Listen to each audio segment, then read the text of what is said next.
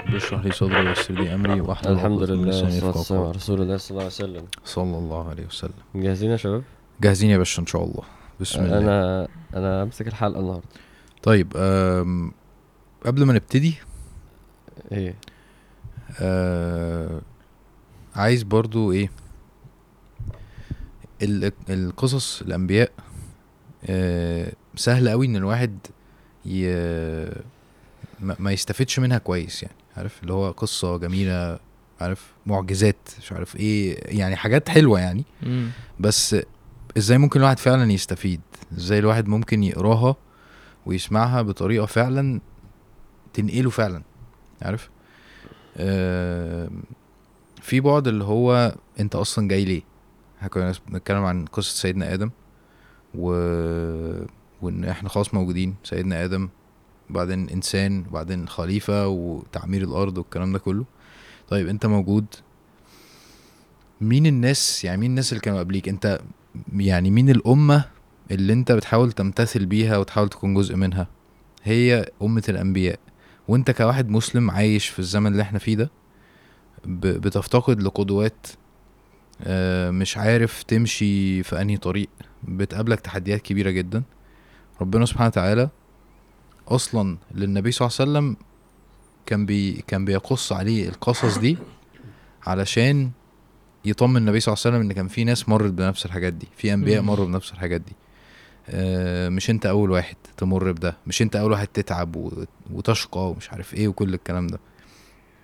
وده للنبي صلى الله عليه وسلم ف انا انا شايف انه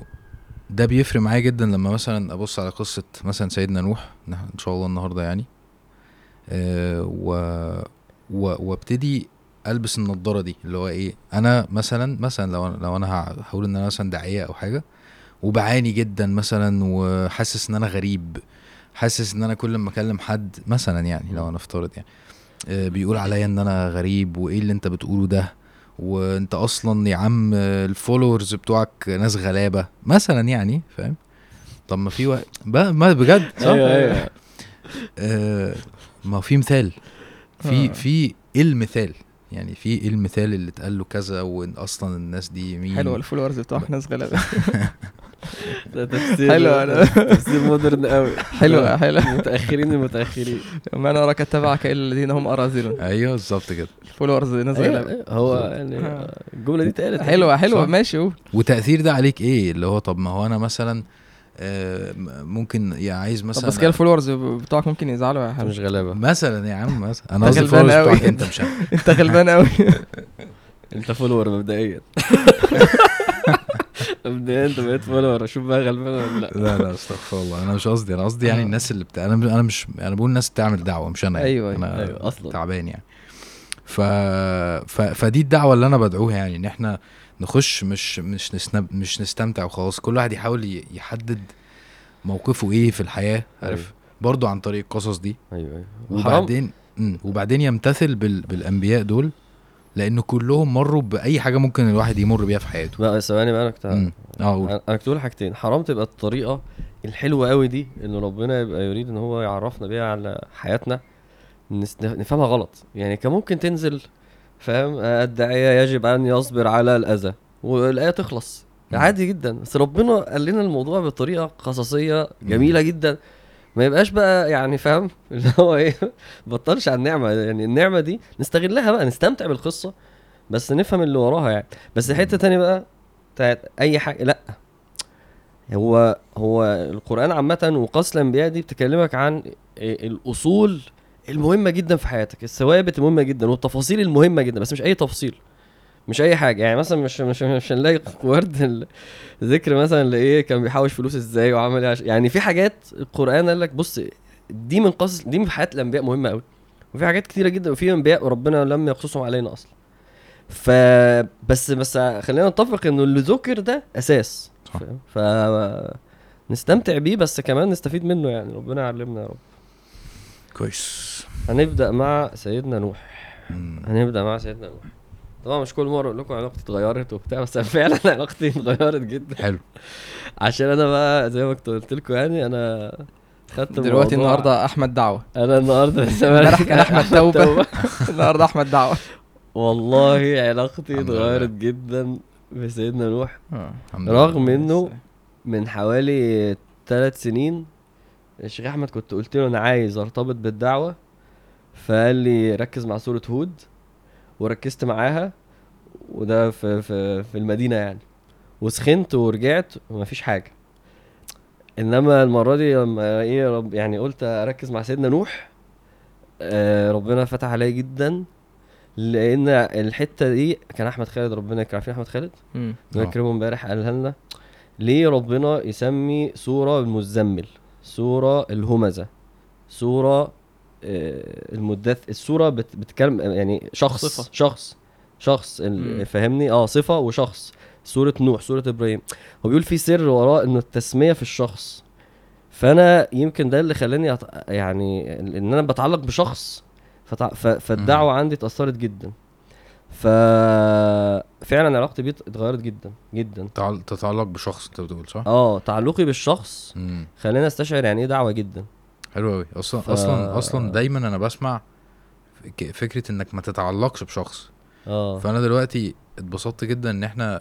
المفروض نتعلق بناس معينه بس اه والطاقه اللي انت المفروض ما توزعهاش تركزها بقى في ال آه في, لا في يعني الاسماء دي والله يا ربنا يعلم بس فعلا تعلقي بيه الناس اصلا تعبت مني في دروس التراويح كنت بتكلم يعني كنت ماسك العشر مواضع وخلاص بقى ما نعملش حاجه غير ده الناس اتضايقت يعني يا جماعه هو لا انتوا لازم ال الكلام بتاع بتاع يعني الطوفان ال الايات مشاعر انا طبعا بقول حاجات عشان تفهموا قصدي أيوة. انا اول مره اتخيل وهو بيشوف ابنه الموجه بتاخده ومشاعره بقى وهو عينه جايه في عينه وبعد كده قال طب ربنا يعمل فيه ايه طب طب يا رب يعني انا اول مره اركز انه ممكن يبقى ان هو تعب للدرجه دي وشايل هم للدرجه دي يعني اول مره اتخيل آه وكلما مر عليه ما من قوم سخروا منه كنتش متخيل حاولت اقف مع المشهد طب عيده تاني يوم هو برضه بيعمل بيسخروا طب تالت يوم هو تقل يعني فعلا صعب عليا جدا ما اعرفش ينفع اقول كده انا انا على فكره ينفع اقول تاثرت أنا حصل جدا كده صح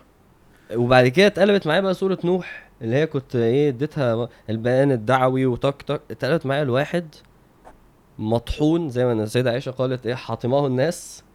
قاعد بيشتكي بقى انا تعبت انا مش قادر وبعدين يعني فاهم قصدي انا يعني تأثرت جدا لأول مرة انه ده كل ده عشان الدعوة هو اصلا ما برضه ما ذكرش عنه غير ايه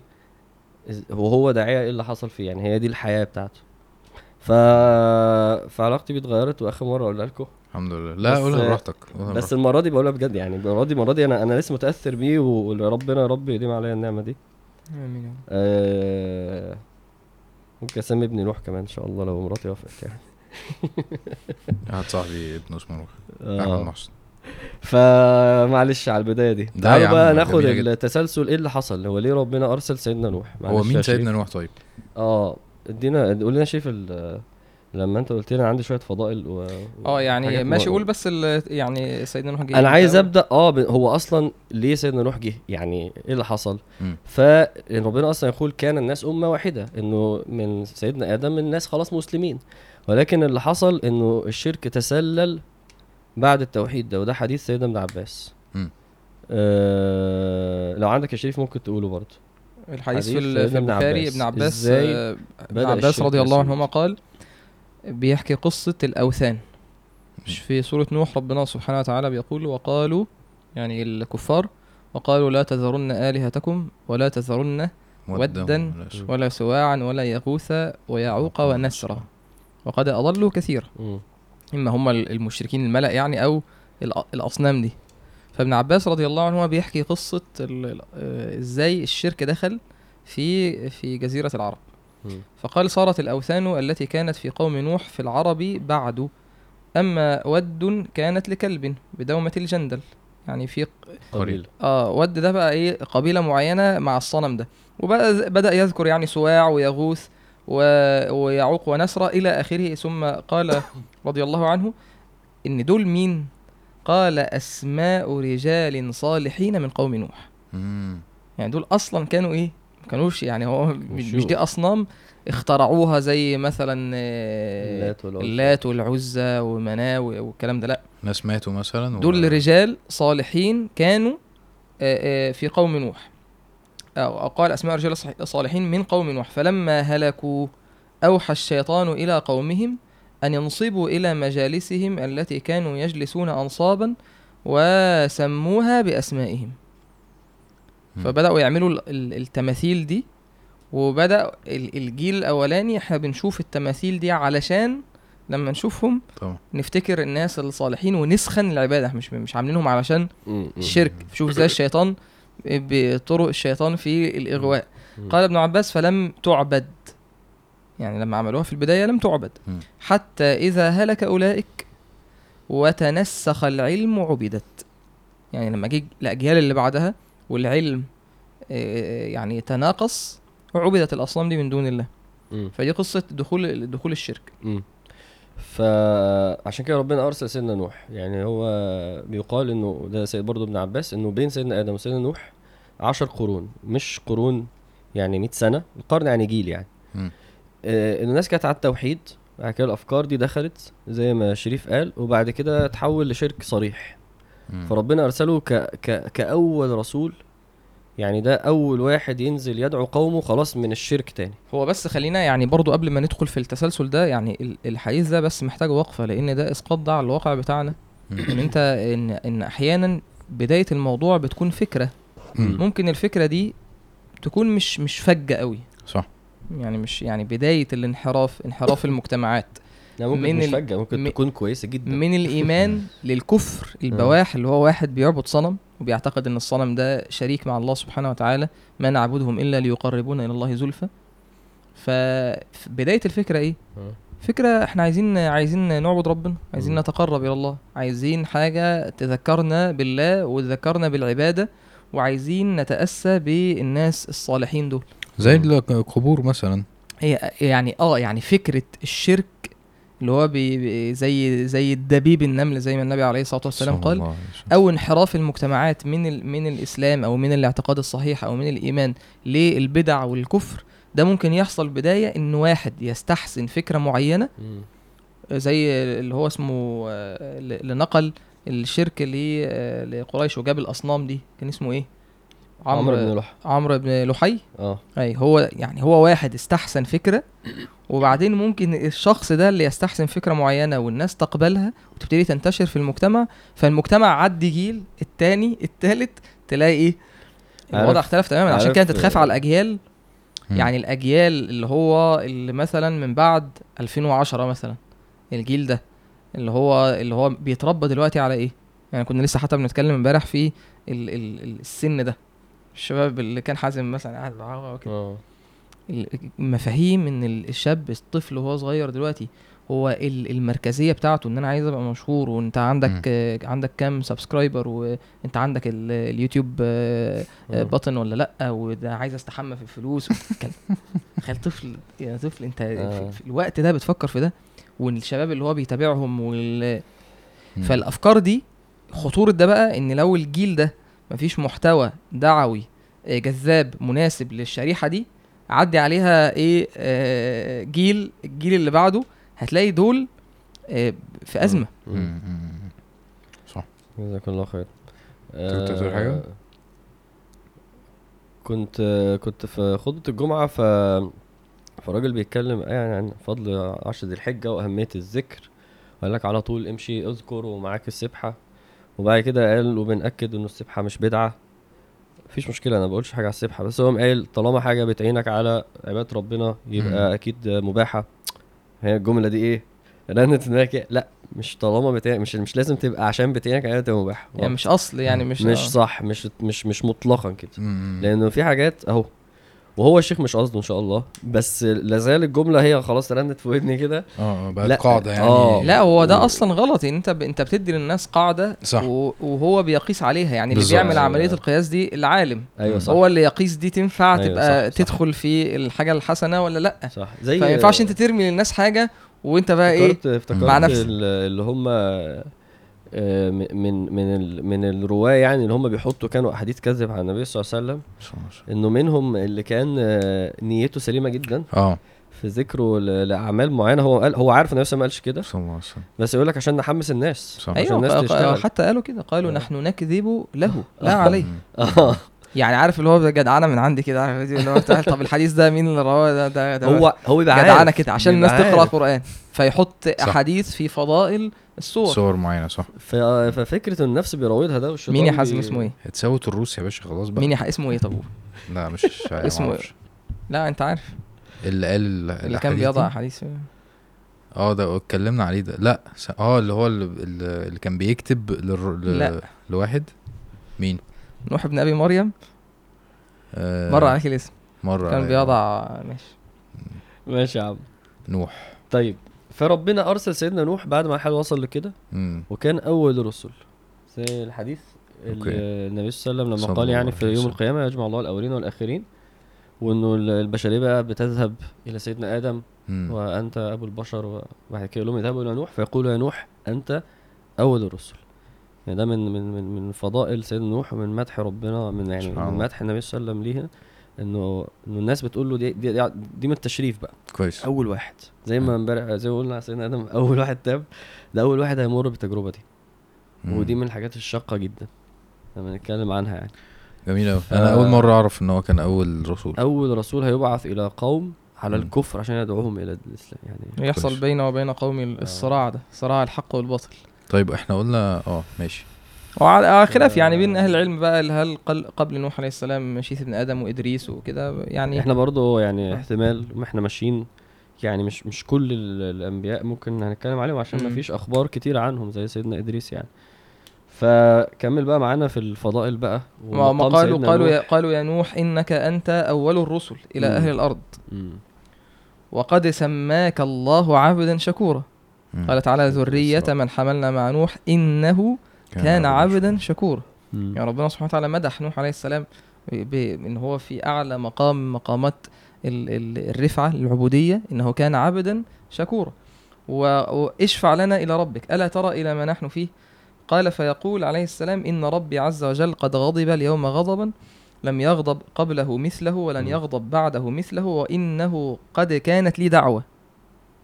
دعوتها على قومي آه، هيجي معانا يعني م. شوف نوح عليه السلام مع مع البذل ده كله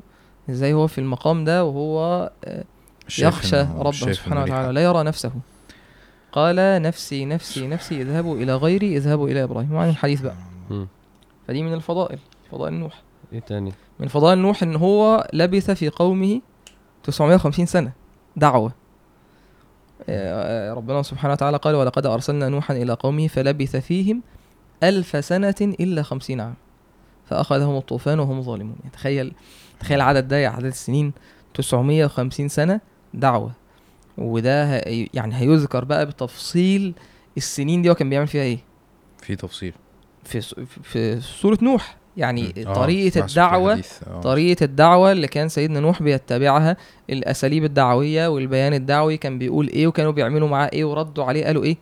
أنت لما تيجي الكلام ده تفرده على لو هتفرده مثلا على سنتين ثلاثة عشر سنين دعوة النبي عليه الصلاة والسلام كانت كام سنة؟ 23 سنة وغيرت وجه الأرض يعني معالم الأرض اتغيرت الناس كانوا يعني زي لما تقرأ حديث جعفر رضي الله عنه وهو بيتكلم مع النجاشي ان احنا كنا نعبد الاصنام آه، آه، نقطع الرحم آه، ياكل ياكل القوي منا الضعيف ونسفك الدماء والكلام ده كله وتشوف بقى ان لما النبي عليه الصلاه والسلام جه ايه اللي اتغير في الارض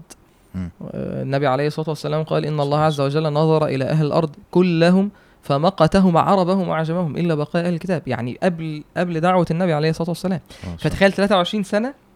غيرت الارض ازاي التاريخ فدعوه سيدنا نوح 950 سنه كان ان ان سوره نوح او مثلا الايات اللي في سوره هود وهي بتيجي للنبي عليه الصلاه والسلام في اخر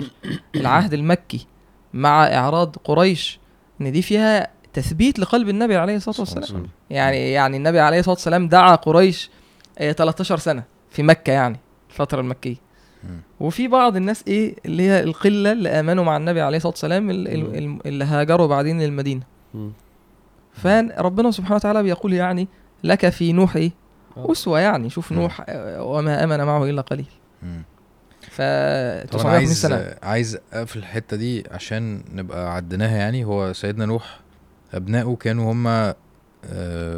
يعني افرع لبقيه البشريه مش كده صح ثلاث ولاد تمام ما اعرفش يعني بقى الـ لو قرات فيها حاجه انا اه اه لا يعني هي في قصه يعني موجوده في التفسير حتى لو ما ثلاث ولاد اوكي ماشي بس ايه بقى قصدك يعني اي حاجه تاريخيه بقى اكتر من كده لا لا لا مش تاريخيه انا بس عايز عايز افهم هو فين في التاريخ يعني لان احنا قلنا ان هو جاي بعد سيدنا ادم مش مباشره بعد سيدنا بفتره اه, آه. بفتره مش كبيره قوي يعني نسبيا فهو من من اوائل الانبياء ومن اوائل البشر في على على على كوكب الارض يعني بس انا بس لنفسي يعني ماشي ماشي هو كده ولا كده في ناس اصلا عاملين الشجره بتاعت الانبياء دي باجتهادهم يعني مع تاريخيا يعني هو برضه لو حد عايز يعني. السرد القصصي الجميل اللي ياخد الحلقه مثلا قصه كامله في ساعه تسمع الحلقه بتاعت قصه سيدنا نوح للشيخ نبيل عوضي اللي هي السلاسل اه السلاسل بس قصدي يعني. قصدي الشيخ بيحكيها بطريقه جميله صراحه الحته اللي كنت مشغلها الحته الانفورماتيف دي آه، جوجل آه، كويس فاهم ايمجز آه، خريطه الانبياء هتلاقيها على طول يعني وبالفعل سيدنا نوح هيبقى في كويس في الاول يعني طيب قول طيب ما مش هقول حاجه احنا عايزين نكمل انت اه يعني برضو بس عشان نبقى احنا بنتكلم دلوقتي مين سيدنا نوح برضو من سيدنا من من من المشاهد او من فضائل نوح عليه السلام ان ان ان احنا امه الاسلام والنبي عليه الصلاه والسلام آه، يشهد لنوح آه، يعني خصوصا في يوم القيامه مم. نشوف بعد الدعوة 950 سنة النبي عليه الصلاة والسلام قال يجاء, يجاء بنوح يوم القيامة عليه السلام فيقال له هل بلغت فيقول نعم يا رب تخيل كده الأنبياء وربنا سبحانه وتعالى يسأل الرسل فقال فتسأل أمته هل بلغكم فيقولون ما جاءنا من نذير وفي في روايه ما جاءنا من نذير وما جاءنا من احد yeah. يعني مش اول مره نشوفه 950 سنه ويجحدوا 950 سنه دعوه ليلا ونهارا ويقولوا ما جاءنا من نذير ما جاءنا من نذير يعني مش اول مره نشوفه فقال فيقول الله عز وجل من شهودك فيقول محمد صلى الله عليه وسلم وامته قال صلى الله عليه وسلم فيجاء بكم فتشهدون احنا نشهد لسيدنا نوح بايه القران سبحان الله قال تعالى ثم قرأ قال آه، أبو سعيد ثم قرأ رسول الله صلى الله عليه وسلم وكذلك جعلناكم أمة وسطا لتكونوا شهداء على الناس يعني أمة عدل لتكونوا آه، شهداء على الناس ويكون الرسول عليكم شهيدا فده يعني نوح عليه السلام آه، النبي عليه الصلاة والسلام يشهد له في يوم القيامة أنه بلغ وربنا سبحانه وتعالى أثبت يعني صفات لنوح في سورة الصفات قال قال تعالى سلام على نوح قال تعالى ولقد نادانا نوح فلنعم المجيبون ونجيناه وأهله من الكرب العظيم وجعلنا ذريتهم الباقين وتركنا عليه في الآخرين يعني أبقينا له الذكر الحسن يعني أنت تيجي دلوقتي بعد شوف بعد قرون ونتكلم عن سيدنا نوح ونذكر فضائل نوح عليه السلام ونستفيد من قصة نوح ده من فضل ربنا سبحانه وتعالى يعني الإنسان اللي, اللي بيعمل لدين الله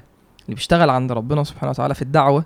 ده ربنا سبحانه وتعالى لا يضيع الانسان ده ذكر الانسان شوف يعني انت تتبع بقى من اوائل من الصحابه من عهد الصحابه لحد العلماء في في زماننا ذري ذريته اللي هم مين؟ وجعلنا ذريته هم يعني أبناءه آه، ابناء نوح يعني. و... والمؤمنين اللي امنوا معه آه. هو في من نسله انبياء صح؟ ما فيش انبياء غير من نسله هو خلاص يعني تمام مفيش انبياء غير من نسله صح آه. هو إيه، هو إيه، بيقولوا ابو البشر الثاني يعني أيوة. بعد سيدنا ادم عليه السلام لان يعني الارض مم. ربنا سبحانه هيجي معانا ان شاء الله يعني. كويس يعني. اصل اصل الواحد برضو احيانا ممكن ي... من كتر ال... يعني من كتر المجهود اللي اتبذل وال... والعائد الضعيف احنا ممكن نتخيل ده ان ال... ان دعوته ما نجحتش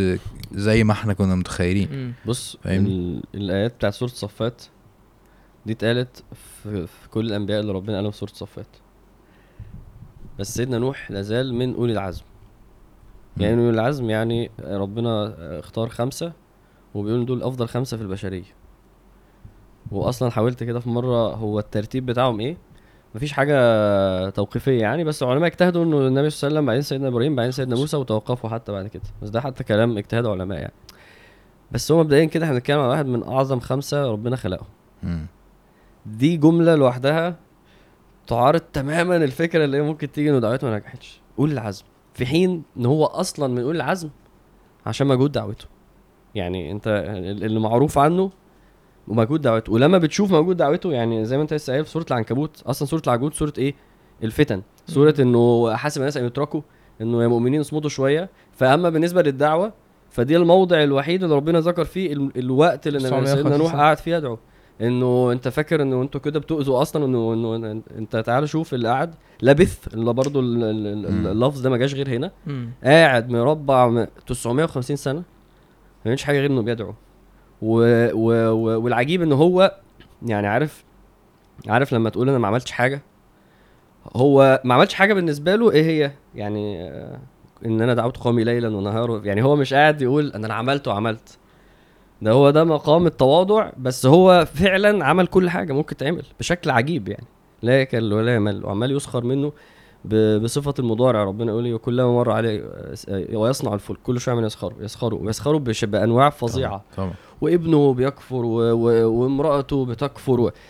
يعني ما فيش حد شاف اللي شافه حقيقه على وجه البشريه ما حدش شاف اللي شافه آه سيدنا نوح واحد بيشكي ربنا ويا رب بيحط صباعه في... انت يعني متخيل متخيل تفاصيل الشكوى ما هو ربنا عارف بس هو مش فكره بقى هو انا عايز اطلع اللي جوايا مش قادر اللي هو عمله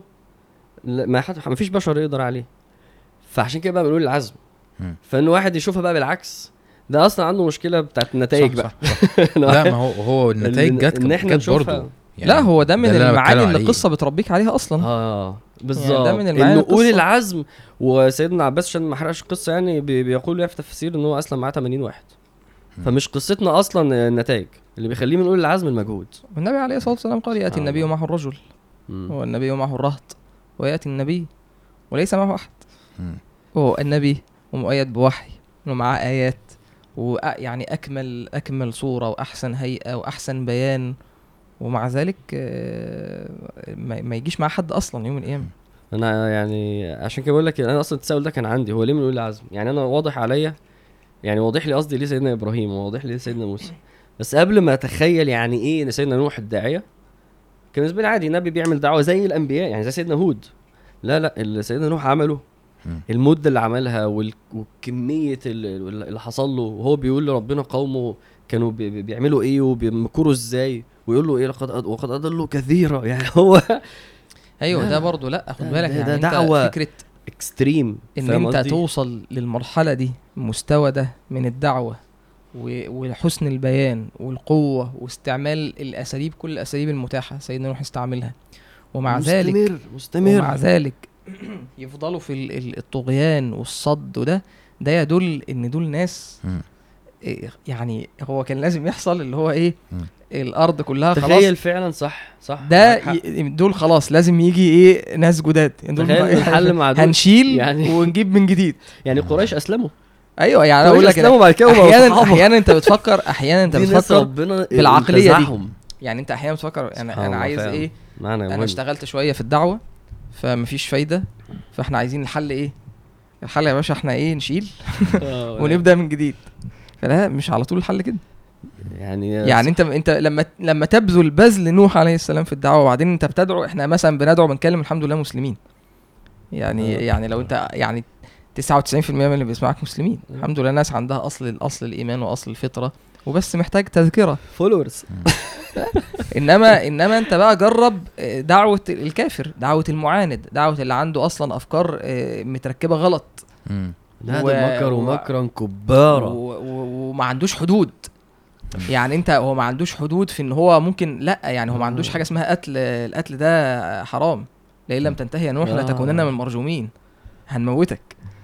فانت اصلا في يعني احنا احنا بنتكلم على اساس ان احنا بنعمل دعوه احنا احنا قاعدين في تكييف وقدامنا مايكات ولو السماعه فالحمد لله ده ايه يعني ده دعوه بس بس دعوه الانبياء غير الدعوه بتاعتنا الدعوه اللي هي فاهم اللي على الارض اللي هي اللي, اللي فيها حق وباطل وفي صراع وفي ممكن هموتك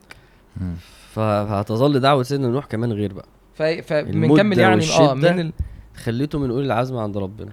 هي المسؤوليه كمان بتاعت حاجه عجيبه إيه. واول الرسل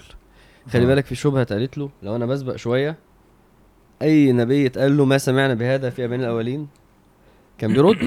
في اصلا انبياء كان يقول ايه آه واذكروا آه يذكرهم بالامم السابقه اه اه اه مش آه يعني بز... انا مش فاكر بالظبط اول الايه اذكروا اذ جعلكم خلفاء بعد قوم وزادكم في الخلق بسطه مثلا يعني بيذكرهم اللي قبليك وانتوا عارفين اللي حصل وما قوم لوط منكم بعيد دول جايين يقولوا الحمراء اسمع الكلام ده هو مش وعلى فكره دي الشبهه دي ما فيهاش مالهاش يعني ما ردش عليها يعني ماشي الردود عليها تيجي بكلام تاني بس دي في ذاتها اه مفيش اه مفيش امثله اه فالموضوع مم. صعب مم. ونجح ان هو يفضل مكمل لبث فيه سبحان الله مم. أيوة، تاني الـ الـ الايات في سوره الصفات ربنا آه. سبحانه وتعالى قال ولقد نادانا نوح فلنعم المجيبون ونجيناه وأهله من الكرب العظيم مم. كرب وجعلنا ذريته هم الباقين وتركنا عليه في الآخرين أبقينا ذكره الحسن مم. سلام على نوح في العالمين ده كلام ربنا سبحانه وتعالى سلام على نوح في العالمين الكرب العظيم إنا كذلك آه. نجزي يعني. المحسنين يعني. الطوفان فقال ان هو من المحسنين آه. إن كذلك نجزي المحسنين إنه من عبادنا المؤمنين ثم أغرقنا الآخرين ف... فده ايه يعني آه، طيب. فضل نوح وربنا سبحانه وتعالى قال كانتا تحت عبدين من عبادنا صالحين فخانتاهما آه. وصف بقى قوم نوح يعني شوف اللي احنا بنتكلم عنه لما تيجي انت بقى انت مثلا ممكن تفكر هي هل كانت المشكله مثلا عن سيدنا نوح في ضعف الحجه اه طب المشكله في الشكل المشكله في طريقه الكلام ومشكله في مثلا اختيار الاوقات يعني انت ممكن ايه مثلا لو انت الدعوه بتاعتك م. اتقابلت بالرفض والصد ممكن تفكر م. ممكن انا كلامي مش مناسب ممكن الحجه بتاعتي ضعيفه ممكن انا عندي مشكله مثلا طريقه كلامي وحشه منفره فتقعد ايه تتهم نفسك انما انت الحاجات دي كلها ايه 100% 100% 100% 100% يعني سيدنا نوح ربنا سبحانه وتعالى ارسله اول رسول على اكمل صوره حتى حتى في النبي عليه الصلاه والسلام كان بيقول إيه اذا ابردتم الي بريدا ف... فليكن ايه حسن او كما قال صلى الله عليه وسلم حسن الوجه حسن السمت آه. يعني ايه يعني لو لو ارسلتم الي رسول بريد يعني فتختاروا ان هو يكون ايه كويس شكله حلو سمته حلو وده حتى ابن القيم قال ان من دلائل النبوه وكتير من آه. ان حسن سمت النبي عليه الصلاه والسلام ان سيدنا نعم الحديث اصلا من دلائل النبوه الهادي الصالح والسمت الصالح اه ان اللي خدناه في الادب المفرد ايوه افتكرت لا انا بتكلم ان هو بيقول ان من علامات النبوه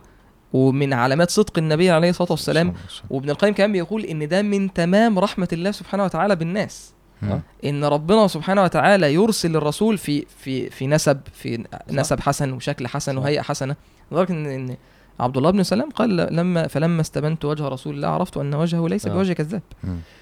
انت قصدك انه انت انت كل حاجه عن سيدنا نوح آه، خلاص يعني هو اول رسول لاول ناس آه، كفروا بالله سبحانه وتعالى فانت تخيل ان ربنا سبحانه وتعالى رحم يعني تمام من رحمه ربنا سبحانه وتعالى من ثمرات الرحمه دي ان الرسول ده عمل كل حاجه هيبقى شكله وطريقه كلامه كل حاجه احسن حاجه علشان نسهل للناس دي ان هي أوه. تقبل الحق حجه تامه فانت خلاص آه. انت انت آه. ما, ما تقلقش من الحته دي ايوه انا آه. بص انا المبهر عندي انت تعرف انت تقول لربنا يا رب انا عملت كل حاجه اعرف اعملها في الدعوه لا طبعا انت انت عمرك في حياتك ما هتقولها فعلا بجد حقيقه بينك وبين ربنا طبعًا يا رب طبعًا. انا اسف على الجرم التقصير صح؟, صح هو واقف بين ربنا عملت كل حاجه ممكن يعني انت قادر تقول عملت كل حاجه هو فعلا عملت كل حاجه مم. صح فانا منبهر ب انت فعلا عملت كل حاجه عشان كده انت لما مع المقدمه دي عجيب. لما تعرف فضل نوح عليه السلام وان هو مع يعني ما فيش اي نقص في حسن الصوره والبيان والكلام ده كله مفيش ضعف في الحجه ولا حاجه شوف, شوف بقى, بقى يعني. وصف ربنا سبحانه وتعالى لقوم نوح آه. ربنا سبحانه وتعالى قال وقوم نوح من قبل انهم كانوا قوما فاسقين وفي في سوره النجم وقوم نوح من قبل انهم كانوا هم اظلم واطغى وقال تعالى كذبت قبلهم قوم, قوم نوح فكذبوا عبدنا وقالوا مجنون مجنون وازدجر ما يجي معانا ايه كلامهم يعني لكن شوف اهو ان ده ده شكله يعني ده, ده وصف ربنا لقوم نوح آه. اوحش ناس اه واوحش ناس في المطلق وخلاص ان يعني هو يعني هو ده يعني ده تكرر في الامم اللي هو الـ الـ الـ الاهلاك اللي ينزل في ثمود وعاد وقوم لوط اصلا يعني آه، لا تذرن الهتكم يعني ان هو كان هو بيموت يقعد مع ابنه ويقول اوعى تسيب الالهه يتمسك هو بيموت وبعدين بيوصيه باله آه. اله اه اه يعني يعني هو مش عايز شوف آه. اهل الباطل ازاي مش عايز يفرط في اله واحد من الالهه هو لو خسر اله آه. هو ده بالنسبه له خساره ولا سواع هو بيموت بيقولوا كده هو يعني في, في الكلام ان هو كده هو بيموت وبيوصي ابنه عليه ايه ده فكرة شدة أصلا كفر آه، فظيعة فكرة تغير الأجيال وهو لسه موجود ومفيش امل في الجيل ولا ده ولا اللي ايوه بعده. هو هو ده حتى حتى يعني قرات افتكر ان انا قرات اثر ان نوح عليه السلام دعا يعني لما قال آه، انك ان تذرهم يضلوا عبادك آه. ولا يلدوا الا فاجرا كفارا معرفش مر عليك ده ان ان كان واحد بيدعوه وهو شايل ابنه ف... فالولد الصغير مسك حجر وحدفه على سيدنا نوح فلما نوح عليه السلام راى ال... ان حتى الاجيال اللي هي اللي طالعه بتورث الكفر فقال لا يلد الا فاجرا كفارا فدول ساعتها آه، فدعا ربه اني مغلوب فانتصر فاجرا كفارا يعني دي ال دي ال دي ال دي اللي انا فاكرها من هنا هو فاجرا كافرا كفارا خلاص هو شديد الكفر مبالغه في الكفر شديد الكفر فاذا يعني ده توصيف الناس بقى عايزين نخش بقى في سيدنا نوح دعاهم لايه ماشي هو بس الاثر اللي انا قلته ده يعني انا ايه لو لو طلع غلط انا, لا فاكر ان انا قراته في في التفسير يعني وان كان هو يعني ايه على سبيل الاستئناس يعني مم. آه. عشان يعني هو مش حاجه مش مش حديث صحيح او كده يعني اوكي طيب ناخد نمشي بقى مع رحله الدعوه دي وسيدنا نوح هو بيدعو قومه فهنمسك نمشي مع, سيق. مع مع قصه آه، مع سوره نوح نقرا بقى اه ممكن نقرا بس ايه لحد يعني سوره أول... نوح اه سوره نوح أول بس أربع آيات عشان نشوف سيدنا نوح دعاهم لإيه مين يحب يقرأ؟ اقرأ بقى حازم يلا يا شيخ أعوذ بالله من الشيطان الرجيم بسم الله الرحمن الرحيم إنا أرسلنا نوحا إلى قومه أن أنذر قومك من قبل أن يأتيهم عذاب أليم قال يا قوم إني لكم نذير مبين أن اعبدوا الله واتقوه وأطيعون يغفر لكم من ذنوبكم ويؤخركم إلى أجل مسمى إن أجل الله إذا جاء لا يؤخر لو كنتم تعلمون ماشي كمل عايزين بس ناخد ال ال ال ال الأصول اللي سيدنا واحدة عليها قوم يعني ب... اه بدايه وبعدين نكمل اه نكمل هنيجي للمشهد التاني ده في ختام كلامنا يعني لان ده المشهد الايه اللي تعال نشوف حصل ايه لما قال لهم كده و... واشواط الجدال والشبهات وبعد كده هو بقى بيشكر ربنا يعني م. فقول لنا كده قال تعالى إنا أرسلنا نوحا إلى قومي أن أنذر قومك من قبل أن يأتيهم عذاب أليم يعني آه، الوقفات السريعة م. إن ربنا سبحانه وتعالى أرسل نوح عليه السلام لوظيفة واضحة يعني وظيفه الداعي الى الله الرسول لازم تكون واضحه كان يعني حتى في درس درس الدكتور احمد عبد المنعم في تفسير سوره نوح درس مهم جدا جدا ف فكان بيتكلم على وضوح دور الداعيه ان يعني الداعيه لما بيبقى تايه بيتوه الناس معاه صح جميل احنا عايزين مثلا عايزين نجمع آه، الفولورز نعمل قناه نجمع فولورز تعال إيه، نكلمه اسمه ايه الدرس؟ آه، تفسير إيه، سوره نوح يا سبحان الله والدرس مهم جدا جدا يعني ففكره آه، ان ايه ان انا عايز اقدم شيء الناس تحبه شيء لطيف انا عايز انا هدفي دعوه فنقعد نكلم الناس في حاجات ملهاش علاقه بالدين ملهاش علاقه بالدعوه علشان اجمعهم وبعد ما اجمعهم عايز ابتدي اكلمهم في الدين طب اصل الحته دي مش هينفع ان احنا نتكلم فيها علشان ما يزعلوش والناس فبيقول ان صوره نوح من البدايه بتديك ان البيان الدعوي واضح ربنا سبحانه وتعالى ارسل نوح عليه السلام نذير من عذاب اه إيه، ربنا سبحانه وتعالى في بدايه لما قال النبي عليه الصلاه والسلام وانذر عشيرتك الاقربين آه، فاصدع بما تؤمر فالنبي عليه الصلاه والسلام صعد على جبل الصفا ودعا بطون قريش وقال لو اني اخبرتكم ان خيلا بالوادي تريد ان تغير عليكم اكنتم مصدقين قالوا نعم, نعم. ما جربنا عليك كذبا قط فقال فاني نذير لكم بين يدي عذاب شديد كويس جدا فالنبي عليه الصلاه والسلام من البدايه قال لهم انا نذير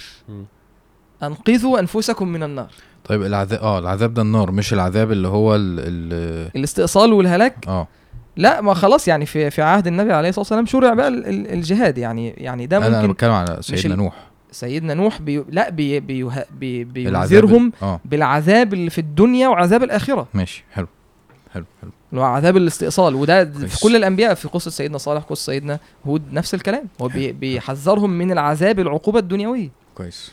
فقال آه، ان انذر قومك من قبل ان ياتيهم عذاب اليم اللي هو عذاب الدنيا وعذاب الاخره شوف مباشره قال يا قوم اني لكم نذير اني لكم نذير مبين مم. لازم تكون دعوتك واضحه كويس جدا ما تحورش على الناس ولازم يكون في وضوح مم. ان اعبدوا الله واتقوه دي بقى الأصول أن يعبدوا الله واتقوه وأطيعوا يعني لازم انت العباده دعوه الناس لعباده التوحيد ودعوه الناس للتزكيه والتقوى الخوف من الله سبحانه وتعالى والاتباع اتباع, اتباع الرسول مم. هي دي الثلاث الاصول قول تاني معلش ان يعبدوا الله واتقوه واطيعوه توحيد والتزكيه اللي هي التقوى يعني اللي هو ان هم يوصلوا لمرحله التقوى واتباع النبي عليه الصلاه والسلام يعني ده مش هيحصل غير لما تتبع مم. توحيد وتزكيه وده كان وده مرتبط بقصه نوح فمن اتبع هداي يا بني ادم اما ياتينكم رسل فايه اللي هيتبع الرسل خلاص هو اللي هينجو فلا يضل ولا يشقى مم. ماشي فقال طيب هيحصل لكم ايه بقى مم. آه، خش معانا في لا عادي انا بحب مبسوط بسمع فقال أن اعبدوا الله واتقوه وأطيعون طيب هتاخدوا إيه؟ ما طب أنا هعمل إيه؟ مال أنا؟ آه. لو إحنا بايعناك يا رسول الله هناخد إيه؟ الجنة فقال يغفر لكم من ذنوبكم ويؤخركم إلى أجل مسمى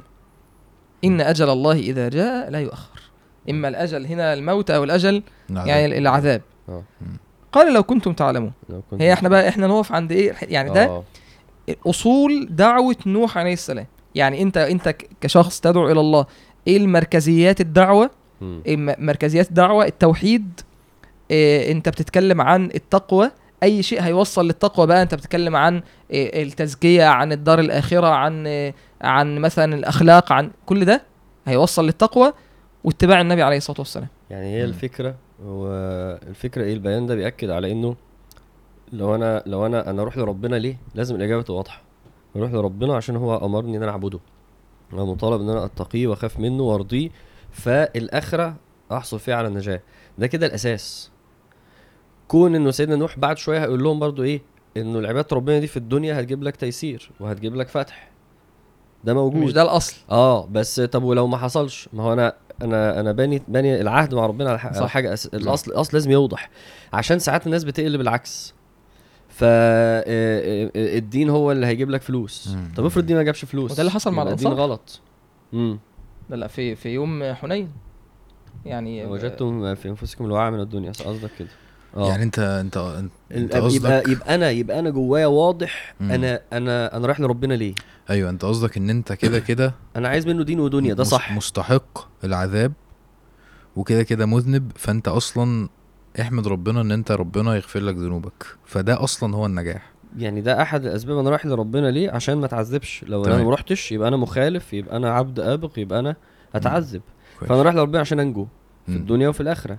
وكمان عباده ربنا هي اللي هتيسر لك الخير في الدنيا مفيش غيرها اللي هيسر لك الدنيا على مراد ربنا صح والدنيا اللي توصلك للهدف الاساسي بتاعك اللي هو انك تنجو في الاخره ده لما ما بيبقاش واضح بيحصل آه، خلل صح هو ليه ما حصلش كذا صح هو في ف فالنهارده مش معنى آه،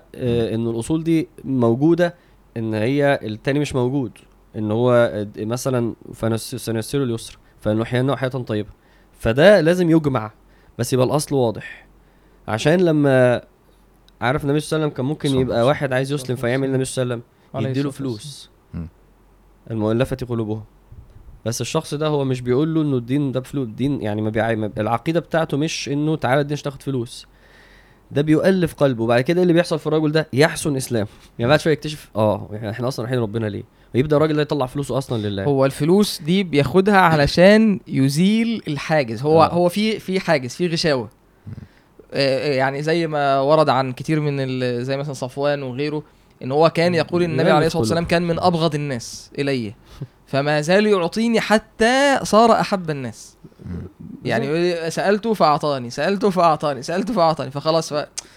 خلاص كده في في الحاجز اتشال النقطه دي مهمه انه ممكن يبقى واحد بعيد جدا عن ربنا ممكن يبقى المدخل بتاعه غير الاصول دي ايوه يعني زي النبي صلى الله عليه وسلم برضه مع سيدنا ابو سفيان ابو سفيان عايز ايه عايز المكانه اه والقوه فهو داخل هو ما كانش اسلم يعني قال قال سيدنا العباس وهو في فتح مكه قال له انه قال له ده نبي انت عارف قال له لا دي انا في قلبي منها شيء يعني انا فالنبي صلى الله عليه وسلم قال في قلبه بمدخل ب... اه يقول آه. اللي يدخل دار ابو سفيان امن وابو سفيان ده الكل في الكل على قال له خليه يتفرج على على الجيوش ابو سفيان ده الكل في الكل ابو سفيان ده كان كام سنه فقد بصره في سبيل الله يا آه ليه لانه بقى بي بي خلاص اتربى على معاني الاسلام صح واصبح فعلا اسلامه صحيح دي نقطه مهمه فرق ما بين ايه هي الاصول وبرضه ما بين ايه واحد عايز يجيب واحد درس يقول له تعالى احنا بنلعب كوره بعد شويه الشخص ده يحسن ذهابه للدرس بقى فانت برضو افهم افهم نقطتين مهمين ان هم يتفرقوا عشان ممتاز ده مدخل مهم وانا فاهم الاصول عشان انا مت... نفسي اضحكش عليا طيب معلش هي التقوى انا آه، بس محتاج محتاج نكسباند عليها شويه معناها ايه بالظبط يعني واتقوه يعني التوحيد واضحه جدا ان اعبدوا الله واتقوه واطيعوه ماشي آه، في في كلام سيدنا ابو هريره آه، سيدنا عمر اللي هو انت لو هتمشي في شارع في آه. شوك وهتعمل ايه هتبتدي تشيل رجلك كده تحطها في المواضع اشمر واركز اه و... اللي ما فيهاش هي دي التقوى آه, آه، أن, أن كنت فاكر برضو كلام اظن سيدنا علي ان يجدك حيث امرك وان لا يجدك حيث نهاك ماشي هو برضو انا يعني في نقطه عايز يعني بما ان هي اتقالت عشان ما ننساهاش هي مساله ان ان سوره نوح برضو بت بتركز على معنى ان ايه الموانع النفسيه اللي عند الناس يعني ممكن واحد يكون المانع النفسي اللي عنده من قبول الدعوه هو الخوف على الدنيا هو فاكر ان انا لو اسلمت لو دخلت في الدين ان دنيتي هتضيع فتلاقي ان ده يصلح معاه ان انت تطمنه أن است... آه، فقلت استغفروا ربكم انه مم. كان غفارا يرسل السماء عليكم مدرارا لكن لكن برضه مش على طول كل الناس محتاجه تاليف قلوب ودي النقطة أنا كنت أيوة. اتكلمت فيها مع مع مع الشباب أيوة. آه آه إن إن النبي عليه الصلاة والسلام ما عملش مسألة تأليف القلوب دي مع كل الناس صح صح صح, صح. في واحد هو عرض عليه الاسلام آه. مباشره واسلم مباشره قال له انا اعمل ايه قال انت رسول الى الى قومك ويرجع طب قول لي طب طفيل بن عمرو ده الاصل ده الاصل ده الاصل الدعوه اللي الانبياء كلهم بيدعوا الدعوه اللي هي الصافيه اللي انت بتقول له انت ربنا بيقول لك واحد اتنين تلاته اعمل كذا انما لو انا لقيت عنده موانع يعني انا من البدايه ما افترضش ان المدعو عنده موانع نفسيه وابتدي اقعد ايه أيوة. الف وادور عليه مش كده بس هو انا قصدي انا شخصيا لو تقول لي انت يعني الموضوع بدا معاك ازاي بدا معايا ان انا كنت زهقان من حياه المعاصي يعني يعني سبب التزامي مش مش اللي هو الله خلقني وهو فلازم أيوة اعبده أيوة. هو انا بعد كده انا دلوقتي بقول انه لا انا اصلا المفروض اروح له عشان كده وبس فاذا الاصول دي مهمه وان احنا نبقى خلاص عارفينها ومتاكدين ان هي بتكلم على ايه يا عامر ان احيانا الدعوة. احيانا الفكره دي فكره ان انا جداً. لازم آه. الف قلبه لا لا قبل الدعوه دي احيانا بتعمل بت بت بت اولا بتتوه وبتعمل مسافات صح. اللي قدامي انا بقولش يعني انت فط... يعني انت ممكن تدخل مباشره بطريقه كويسه بالحكمه والموعظه الحسنه تقول له ربنا بيحب كذا والنبي عليه الصلاه والسلام قال كذا فيستجيب مباشره متفق. وممكن متفق من البدايه ايه يرفض مباشره متفق معاك بيخلي الدعوه هزيله متفق معاك في ناس بتحب اه فاهم تعالوا بقى تعالوا بقى نشوف قوم عملوا معاه ايه وناخد الاربع مواضع اللي فيهم الحته دي اول حاجه سوره الاعراف آه ممكن اقرا انا سريعا يعني آه اعوذ بالله من الشيطان الرجيم آه لقد أرسلنا نوحا إلى قومه فقال يا قوم اعبدوا الله ما لكم من إله غيره إني أخاف عليكم عذاب يوم عظيم قال الملأ من قومه إنا لنراك في ضلال مبين قال يا قوم ليس بي ضلالة ولكني رسول من رب العالمين أبلغكم رسالات ربي وأنصح لكم وأعلم من الله ما لا تعلمون أوعجبتم أن جاءكم ذكر من ربكم على رجل منكم لينذركم ولتتقوا ولعلكم ترحمون طيب ففي الآيات أول آية برضو زي ما أنت قلت زي سورة نوح بيدعوهم للتوحيد والخوف من ربنا وإتيان العذاب طب قالوا له إيه؟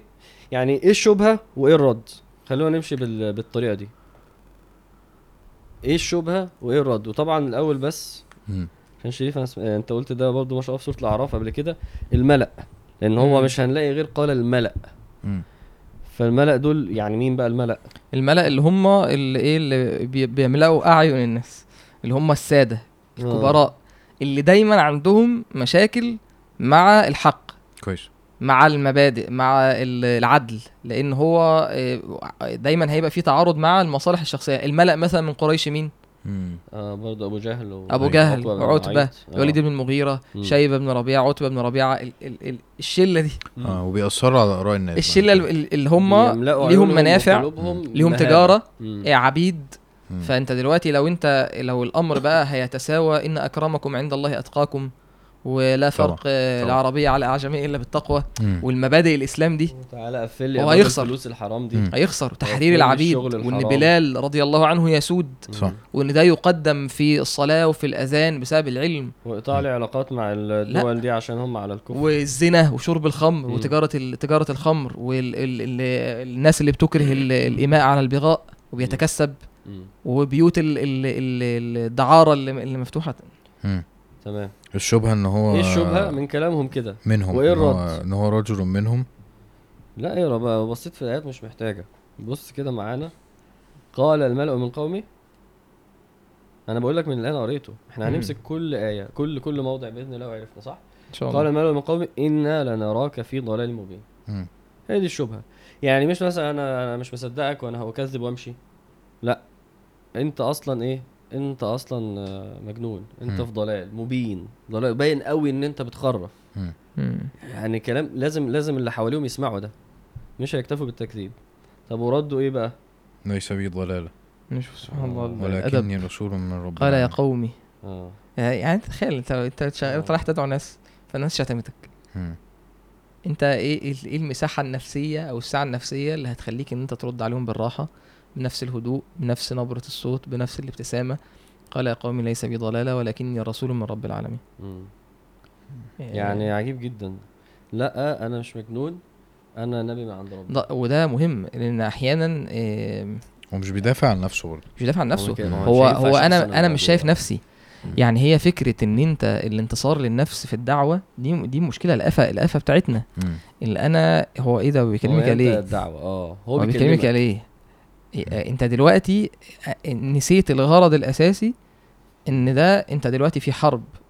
مع الشيطان شيطان الشيطان آه، هو عايز يقطع عمليه التواصل اللي بينك وبين المدعو ده فهو اولا بيخليه يحمل كلام على معاني او او هو الشخص عنده اصلا امراض نفس فانت دلوقتي في صراع مع نفس نفس الشخص الاماره بالسوء مع الغفله اللي هو فيها مع الجهل اللي هو فيه مع الشيطان فانت ما تبقاش انت الخامس بقى الخامس ايه اللي هو انت هتقلبها كمان خناقه معاه انت يا ابني بتكلمني كده ليه انت مش عارف انت بتكلم مين انت حلو. اصلا جاهل أوه. انت اصلا ما بتفهمش رده آه انا مش في ضلاله انا آه رسول من عند ربنا هو يقول وانا او اياكم لعلى هدى او في ضلال مبين آه. رد الانبياء آه. ده ده ده كان آه، رد مين من الانبياء مش فاكر شوفي حتى شوفي آه، لا تسالون عما اجرمنا آه. ولا نسال عما تعمل عما اجرمنا يعني احنا خلاص احنا احنا مجرمين ده ده النبي هو اللي يقول كده آه. مين اللي بيقول يعني مش مش مستحضر مش مستحضر مين يعني ما كانش فيه آه. آه وإنا أو إياكم لعلى هدى أو في ضلال مبين تعالوا نقيم الحجج ونفكر م. يعني هنا مشكلة كل الأقوام عدم التفكير المنطقي شخصنة الموضوع هتيجي ده يبقى واضح في آه. سورة هود إيه ما نراك إلا بشرا مثلنا طب هو أنا ما قلتش حاجة أصلا يعني هو انا هو سيدنا نوح جه من البدايه قال يا جماعه انا ملك ما هو هنا بص انا انا رسول عند ربنا انا جاي ابلغكم الوحي وانا خايف عليكم انصح لكم وانا جالي وحي اعلم الله ما لا تعلمون يعني انا ربنا اوحى ليا وانا رسوله ببلغكم اللي هو يريده ولا تتعجبوا انه ده حصل على واحد منكم بس خلاص او عجبتم ان جاءكم ذكر من ربكم يعني التذكير من ربكم التذكير دايما بالربوبيه وده ده مفاتيح قلوب الناس اللي في غفله تذكير بالنعم وحتى هتلاقي ده في سوره هود متكرر أيوة. شوفوا النعم اللي انتوا فيها وربنا عمل لكم كذا واستخلفكم في الارض وعمل لكم و يرسل السماء عليكم مدرارا ويمددكم أيوه. بام ايوه هو ده لا هنا ده ترغيب يعني انا بيرغبوا ان انت لو اسلمت هيحصل لك كذا لكن البدايه آه، آه، آه، ما لكم الذي جعلكم اه ايوه ايوه استخلفكم في الارض واستع... است... في سوره هود في قصه قصه سيدنا عاد قصة قصة سيدنا صالح هو أنشأكم من الأرض واستعمركم هو أنشأكم من الأرض واستعمركم فيها أيوه مم. طيب إني أراكم بخير يعني ناخد شبهة تانية في سورة المؤمنون سيدنا عاد اه سيدنا عاد الله عايزين حازم عادي ممكن تقرا يا شريف ايه 23 تعال نشوف برضو الشبهات التانية اللي في سورة المؤمنون المؤمنون المؤمنون بعد اذنك حاضر فدي اول شبهة انت انت انت مجنون اعوذ بالله من الشيطان الرجيم ولقد أرسلنا نوحا إلى قومه فقال يا قوم اعبدوا الله ما لكم من إله غيره أفلا تتقون ۖ فقال الملا الذين كفروا من قومه ما هذا الا بشر مثلكم يريد ان يتفضل عليكم ولو شاء الله لانزل ملائكه ما سمعنا بهذا في ابائنا الاولين ان هو الا رجل به جنه فتربصوا به حتى حين نقف عند كده آه، هي اه هناخد هنا الشبهه ايه بقى الشبهات اللي بتقال هنا فقال الملأ برضه اه قال الملأ الذين كفروا من قومه ما هذا الا بشر مثلكم ما هذا الا بشر مثلكم سبحان مش بس كده مش هنا يريد ان آه، يتفضل ما احنا داخلين في دخلوا في نيته بقى يعني هو احنا داخلين في اربع شبهات ما ده بشر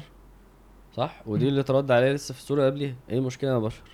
وفعلا الشبهه دي يعني في شبهات يعني اهل الباطل في الشبهات بيرزعوا يعني فعلا يعني هو بيحاول يلوش في اي شبهه ممكن تبقى موجوده يعني ما ينفعش يقول آه يريد ان يتفضل عليكم وبعد كده يقولوا ان هو رجل به جنه يعني يا اما يبقى مجنون هو تمام يعني هو بي بي يا اما يبقى واحد عنده فاهم آه حاجات من جواه وعايز عشان هو بيلوش في اي حاجه وخلاص إيه دول آه ارهابيين دول اصلا عايزين فلوس دول بيكذبوا دول اصلا عايزين دول اصلا مع دول اه دول مش فاهمين قران دول بي... كلام كتير شبهات كتير يعني لو هم ركزوا في حاجه فعلا وده اللي كان بيدعو ليه مين اللي هو الوليد المغيره م. اما قال لهم ده لا انتوا عارفين ان ده لا شاعر وعارفين ان انا اعلمكم بالكهانه ولازم نركز ركزوا في تهمه معقوله اه قال لهم احنا لازم نركز في حاجه على الطبيعه الجايه من بره ولو عملنا كده هي... يعني فسبحان الله هو كان شايف انه ده ده من الغلط يعني مش اي شبهه وخلاص وهي دي بقى انه نظر وعبس وبصر وبعد كده قال لهم ايه هنقول ايه سحر يؤثر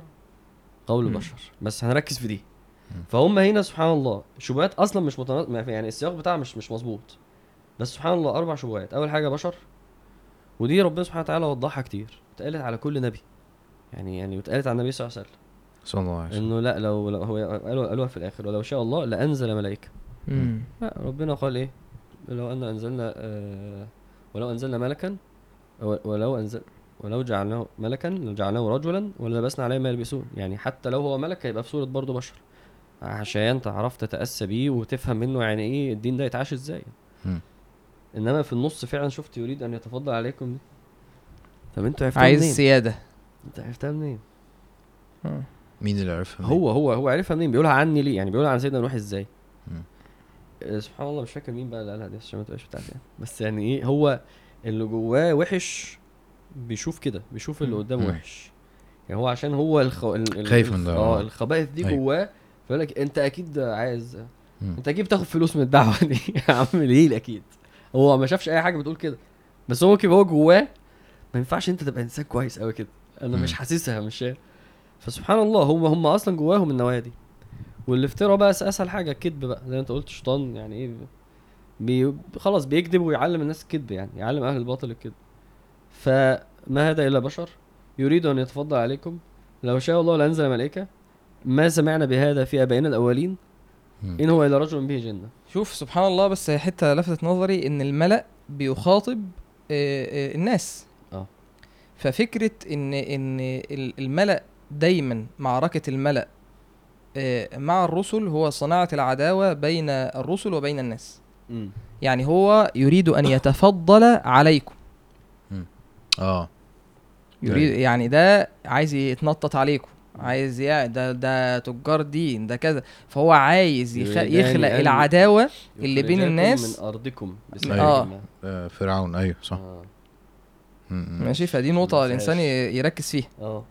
ان انت انت شوف بقى الناس اللي بتطلع في الاعلام وهدفها بس تشويه في رموز الدين وفي المشايخ وفي الائمه وفي العلماء وعايز يعمل ايه هو عايز في الاخر هو هو عايز يقطع الصله اللي بينك وبين تعلم الدين بعدين يعني الشبهات اللي هنا هي مالهاش دعوه بالكلام اللي قاله بشر اه, آه. يتفضل عليكم رجل به جنه انت لما تشوف الرد الفج ده تقول مثلا هو هو قال ايه؟ عن اللي انت قلته هو قال ايه؟ يعني ترجع بقى تاني لكلام سيدنا نوح اه اعبدوا الله ما لكم من اله غيره افلا تتقون بس يعني هي دي الجمله آه. اللي قالها يعني هم ما فيش مره كلموه في اللي هو بيتكلم عليه مش هيكلموه مش... ومش هتحصل اللي احنا قلناه من أيوه. شويه انت في ضلال اللي بيقولوا دلوقتي انت جنه انت اريد ان تفضل طب كلمني في اللي انا جاي اكلمك فيه الاول وحطني على جنب هو اصلا اساس هدمه لكلامك انه يحاول يهدمك انت كشخص لو قلت حازم ده نصاب بس خلاص مش مهم بقى حازم بقى بيقول لنا ايه ليه وعايز ياخد فلوس عشان يعمل بيها ايه والمشروع ده كويس لا هو خلاص معروف انه نصاب فبعد اذنك يعني وبعدين حتى لما بيكلمهم اللي هو جعلوا اصابعهم في أذ... يعني هم ما بيدوش لنفسهم فرصه يسمعوا اصلا هم عايزين يهربوا عشان هم ما اعرفش قلقانين لا يتاثروا عارفين ان هو بيقول صح بس هو يعني آه، هو دي دكتور احمد كان قال فيها معنى جميل كان بيقول ان ان ان سبحان الله ان حتى ملامح الداعيه إيه وصوت الداعيه والكلام بتاعه مؤثر مؤثر مم. فبيقول ايه جعلوا اصابعهم في اذانهم هو مش عايز يسمع مم. وزي ما قريش كانت بتوزع قطن كده على إيه عشان الناس ايه لا تتاثر بكلام النبي عليه الصلاه والسلام آه، في قصه طفيل نعم واستغشوا ثيابهم عشان ما يشوفش هو مجرد رؤيه وجه الداعي الى الله ورؤيه وجه الرسول صح. آه، يعني سيدنا نوح صح. تؤثر فيه مم. تذكره ان هو على على باطل مم. هو مش عايز يشوف ده حلو قوي صح فمبدئيا كده هنلاقي ان هو ما بيهاجمش تفاصيل الدعوه لان هو ما يعرفش ما يعرفش يرد عليها بيهاجم الاشخاص بيفتري بكل وضوح ان هو يريد ان يتفضل عليكم مم. بيلوش ويقول حاجات داخله في بعض وعكس بعض ان هو عنده نوايا خبيثه بس هو اصلا مجنون فلحد دلوقتي هو ايه يعني سبحان الله باين قوي ان هو اللي على حق سبحان الله تعالوا بقى ناخد ايه طيب ال- الايات اللي في سوره الشعراء لسه عندنا موضوعين ايه كام ولا ايه 105 يلا يا حازم اقرا احنا بنعمل قراءه جميله والله آه، فصل الانبياء جميل آية 105 لحد 117 آية يلا يا عم تاخد 12 آية أعوذ بالله من الشيطان الرجيم كذبت قوم نوح المرسلين إذ قال لهم أخوهم نوح ألا تتقون إني لكم رسول أمين فاتقوا الله وأطيعون وما أسألكم عليه من أجر إن أجري إلا على رب العالمين فاتقوا الله وأطيعون قالوا أنؤمن لك واتبعك الأرذلون قال وما علمي بما كانوا يعملون إن حسابهم إلا على ربي لو تشعرون وما أنا بطارد المؤمنين إن أنا إلا نذير مبين قالوا لئن لم تنته يا نوح لتكونن من المرجومين لا فعلا إن شاء الله طيب يعني قبل ما نقول الشوية بتاعتهم قال لهم أخوهم نوح اه قبل ما نقول الشوية بتاعتهم هنلاقي إن هو في زيادة هنا عن ال... عن اللي هو قاله لهم فين ايه الزياده في خطابه عن الاصول اللي احنا قلناها الاجر وما آه. اسالكم آه. عليه من اجر وما آه، اسالكم عليه من اجر ان اجري الا على رب العالمين والعجيب انه ويا قوم لا اسالكم عليه آه. مالا انه في سوره الاعراف وفي سوره الشعراء الانبياء بيبداوا وبيقولوا وبيردوا على دي يعني وكان دي من اقوى الشبهات اللي انت اللي الناس هتاخدها عليك لان الناس احنا يعني الناس بتاعت الدنيا مفيش حد يعمل حاجه في الدنيا دي ببلاش مش منطقي مش صح دي تشوف مصلحتك فين وده ف... ده بيصد الناس يعني انت دلوقتي لما لما هو يحس ان انت الداعي آه، بينتفع من وراه او ان هو الدعوه يشك. بتاعته مش خالصه يشك يعني مش آه، هيبتدي ايه ده هيعمل حاجز صح. ويبدا مبدئيا يشك وهو اصلا زي ما احنا شايفين هو الناس ما بتصدق م. تلاقي حاجه عشان تمسك فيها ايوه فسبحان الله الشبهه دي ربنا ما يخليهمش تستنى ما تستناش تقال عليك انت تقولها من الاول عشان تقفل لان دي كانها ايه لازم هتيجي فاقولها فقولها انت من الاول بص بتلاحظ بقى ان ولا مره حد فيهم قال انت عايز فلوس كل ما خلاص اللي انا قلت من الاول صح ف... يعني هو حاله كده يعني هو حتى ربنا سبحانه وتعالى قال له ام تسالهم اجرا فهم من مغرم مثقلون يعني ده في في يعني سياق ان ليه قريش لا تؤمن هم بيكذبوا ليه هو انت طلبت منهم اجر فكأن طلب الاجر او الـ الـ الـ الامر ده آه، ده سبب داعي الناس ان هي ترفض الدعوه كويس جدا سبحان الله فحبيت بصراحه اقول دي تعالوا ناخد الشباب بتاعتنا نقول بس ان ده الاصل يعني الاصل في الدعوه في الدعوه الى الله ان هي تكون تحميها خالصه تحميها وان انت تنزه آه. الدعوه عن ان انت تتصدر للناس في طلب اجره مقابل مقابل الدعوه الى الله مقابل لكن الامر كتفصيل فقهي في مساله التكسب مثلا من تعليم العلم او الاقراء او تعليم القران ده امر تاني هو حتى لو هنقول بشكل لو هنقولها بشكل ايجابي ان انت لما حد بيبقى مقبل عليك آه، وهو عايز لك الخير بجد انت بتبقى يعني بيشرح صدرك جدا انك تشوف ان في ناس في العالم مش عايزين منك حاجه بجد هم بس عايزين لك الخير فعلا يعني صح دي حاجه غريبه يعني حاجه فعلا عجيبه طيب نرجع بقى نشوف قالوا له ايه قالوا انا بس باكد باكد على المعنى ده يعني أي. معنى ان الاصل الاصل في الدعوه ان الانسان لا يتصدر للناس ويطلب الاجر مظبوط لكن الحكم الفقهي للمساله ده دي حاجه تانية مظبوط ان ده عشان بس ما حدش ياخد الكلام يسقط على يعني ملناش دعوه آه. احنا آه، بنتكلم عن سيدنا نوح طيب قالوا انؤمن لك واتبعك الارذلون الغلابه ايوه طب آه، هل ده هل ده معناه ان هم كانوا مستعدين يؤمنوا لو لو كان الدين ده ليهم هم بس مثلا؟ بس آه بالظبط معاك حق يعني طب ليه ما قالوش كده حتى؟ احنا نؤمن بس لو الدين ده يبقى ما حتى دي حتى ما, ما كانوش عايزين دي قالوا قال النبي عليه الصلاه والسلام قيل له اطرد هؤلاء لا يجترئون علينا يعني يعني ازاي أيوه. انا من السادات واجلس في مجلس فيه ابن مسعود وفيه بلال وفيه فانه اتباعك ضعفاء فقراء لو الدين ده صح كان الناس الجامده اللي من نظرهم هم دول اللي كانوا المفروض يبقوا معاك فيه فسبحان الله نظرة أهل الباطل لأهل الحق إنهم ضعفاء وفقراء إنهم سفهاء خاسرون أرذلون دي دي دي نظرة دايما سيقول آه، السفهاء من الناس يعني هو هو اصلا عند ربنا هو ده السفيه ما أيوه. من يرغب عن من يرغب عن مله ابراهيم الا من سفه نفسه هو بقى شايف الدنيا ازاي واذا قيل لهم امنوا كما الناس قالوا انؤمن كما امن السفهاء يعني هو هو عند ربنا في معيار ربنا هو سفيه بس هو مشكلته ان هو ماشي من نظاره بص السفهاء دول ازاي ابقى انا معاهم ربنا سبحانه وتعالى قال في سوره المطففين واذا راوهم قالوا ان هؤلاء لضالون انت ممكن ايه الواحد يقول لو خدت الايه دي كده هتقول مثلا اهل الايمان هو بيقول عليهم كده آه. اهل الباطل بيقولوا ان هم آه، ضالين لا اللي بيتكلم الكفار لما بيشوفوا المؤمنين بيعدوا من قدامهم واذا راهم قالوا ان هؤلاء لضالون يعني الناس الناس دول مش فاهمين دنيا مش فاهمين أيوة. مصالحهم صح سوره لما اترموا في النار قالوا وما لنا لا نرى رجالا ما لنا لا نرى رجالا كنا نعدهم من الاشرار يعني هما في النار هو فين فلان فين الشيخ فلان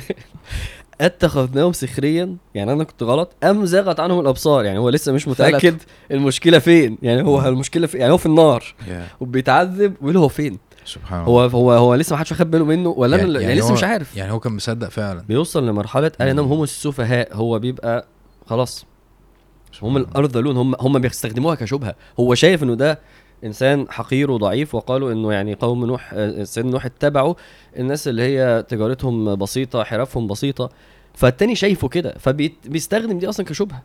عشان كده رد سيدنا نوح جميل بصراحه قال وما علمي بما كانوا يعملون يعني صناعه صنعته دي ولا عمله ده انا ماليش دعوه بيه مش ده مش ده اللي بيقيمه اصلا انا مالي ومال هو فلوسه قد ايه ولا ساكن فين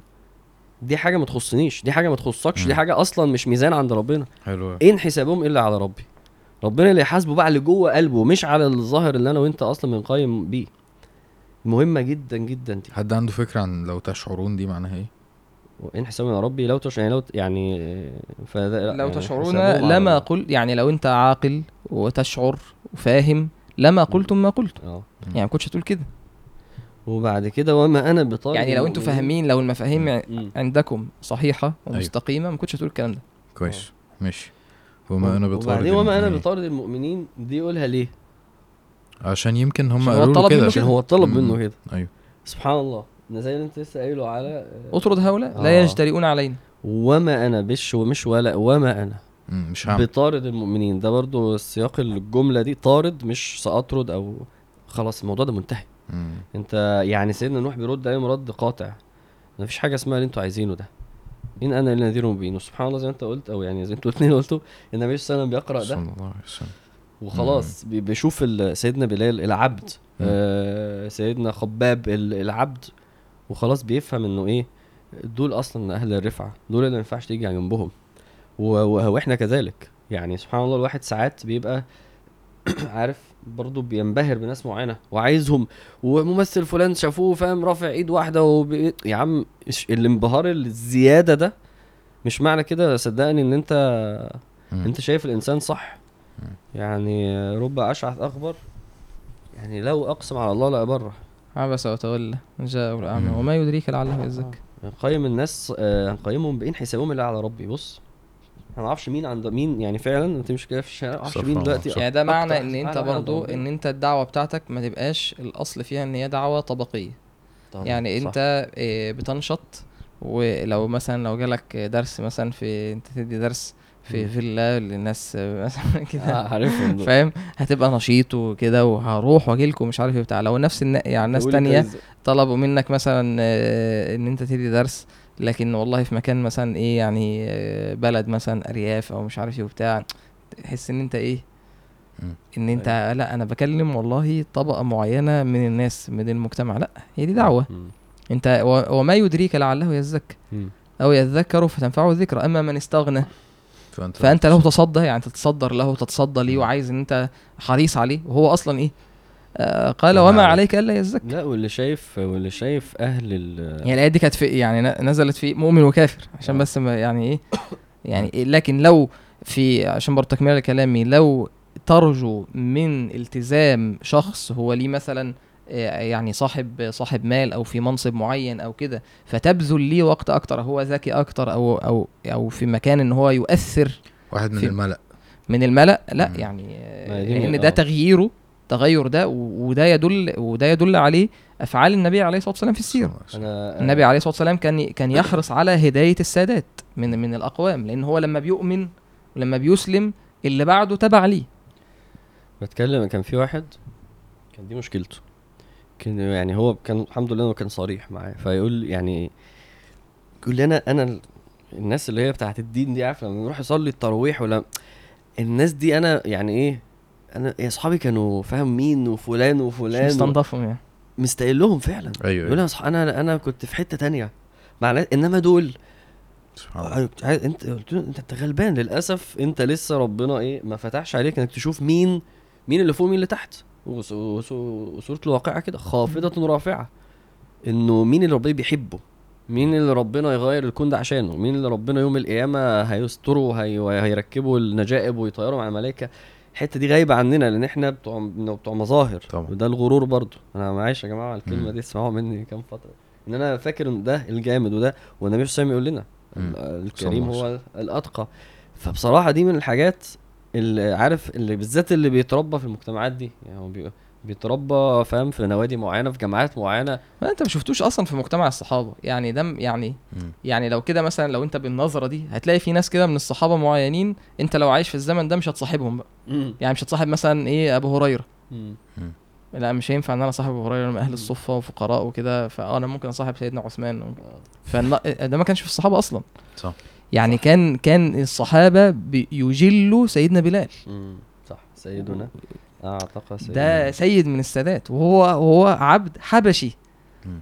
ولما يجي بعدها عمر رضي الله عنه لما لما قابل الرجل قال من استخلفت على اهل الوادي اهل مكه قال استخلفت ابن ابزه قال من ابن ابزه قال يا امير المؤمنين مولى من موالينا سيدنا عمر مولى يعني, يعني مولى مولى يعني كان نعم. عبد وعتق ف... فقال له استخلفت على ماك اهل الكلام ده في خلافه عمر يعني بعد مثلا خلافه ابو بكر سنتين رضي الله عنه سنتين بعد وفاه النبي عليه الصلاه والسلام في خلافه سيدنا عمر يعني لسه الناس ايه لسه لسه يعني بشوكهم اهل مكه كانوا هيرتدوا في, في لولا على الروايات يعني سهيل بن عمرو ثبتهم آه، اهل مكه هيرتدوا ويستخلف على اهل مكه مولى من الموالي قال يا امير المؤمنين انه قارئ لكتاب الله عالم بالفرائض حافظ وإمام في الفقه عالم نعم. الفرائض فقال أما إني قد سمعت نبيكم صلى الله عليه وسلم يقول إن الله عز وجل يرفع بهذا الكتاب أقواما ويضع به آخرين خلاص خلصت هو مولى وبقى سيد فالنزعة دي ما كانتش عند الصحابة اتربى اتربى على خلافه كانت موجودة في في الجاهلية صح لكن اتنزعت دي بقى هو الواحد برضه يستوعب ان هو محتاج ان الناس الصالحة تحبه مش شرط ان هو عشان بقى يبقى في وسط ناس شبهه ومش عارف ايه وبتاع فعلا لما تلاقي حد طيب وانت ترجو ان هو يكون يعني ليه حال مع ربنا سبحانه وتعالى ان هو يحبك لك دعوه يشفع لك يوم القيامه بالظبط بالظبط دي ليها مكان قصدي يعني أيوة. مش بس مش الكوبايه مش بتتملي بس بانك تقعد مع ناس روشه وناس جامده لا في في حاجات يعني في حاجه تانية انت محتاج تملك الكوبايه بيها طيب نروح بقى لاخر موضع اللي هو في سوره هود ماشي انا اللي عليا الدور اصعب موضع اه احنا احنا نشغل بتاعت اسلام صبحي دي يا جماعه جميله قوي والله حد فيكم يعرفه؟ ايوه شخصيا يعني لا اه انا عمري ما جماعه اللي يعرف اسلام صبحي ده يقول له يبعت لي ولا حاجه عايز تسلم عليه والله جميل قوي هنقرا آه اقرا يا باشا ايه 6 ايه 25 بسم الله أعوذ بالله من الشيطان الرجيم أو 34 ولقد أرسلنا نوحا إلى قومه إني لكم نذير مبين ألا تعبدوا إلا الله إني أخاف عليكم عذاب يوم أليم فقال الملأ الذين كفروا من قومه ما نراك إلا بشرا مثلنا وما نراك اتبعك إلا الذين هم أراذلنا بادي الرأي وما نرى لكم علينا من فضل بل نظنكم كاذبين قال يا قوم أرأيتم إن كنت على بينة من ربي وآتاني رحمة من عنده فعميت عليكم ۖ أنلزمكموها وأنتم لها كارهون ويا قوم لا أسألكم عليه مالا إن أجري إلا على الله وما أنا بطارد الذين آمنوا إنهم ملاقو ربهم ولكني أراكم قوما تجهلون ويا قوم من ينصرني من الله إن طردتهم أفلا تذكرون ولا أقول لكم عندي خزائن الله ولا أعلم الغيب ولا أقول إني ملك ولا أقول للذين تزدري أعينكم لن يؤتيهم الله خيرا الله أعلم بما في أنفسهم إني إذا لمن الظالمين قالوا آه يعني قالوا يا نوح قد جادلتنا فأكثرت جدالنا فأتنا بما تعدنا إن كنت من الصادقين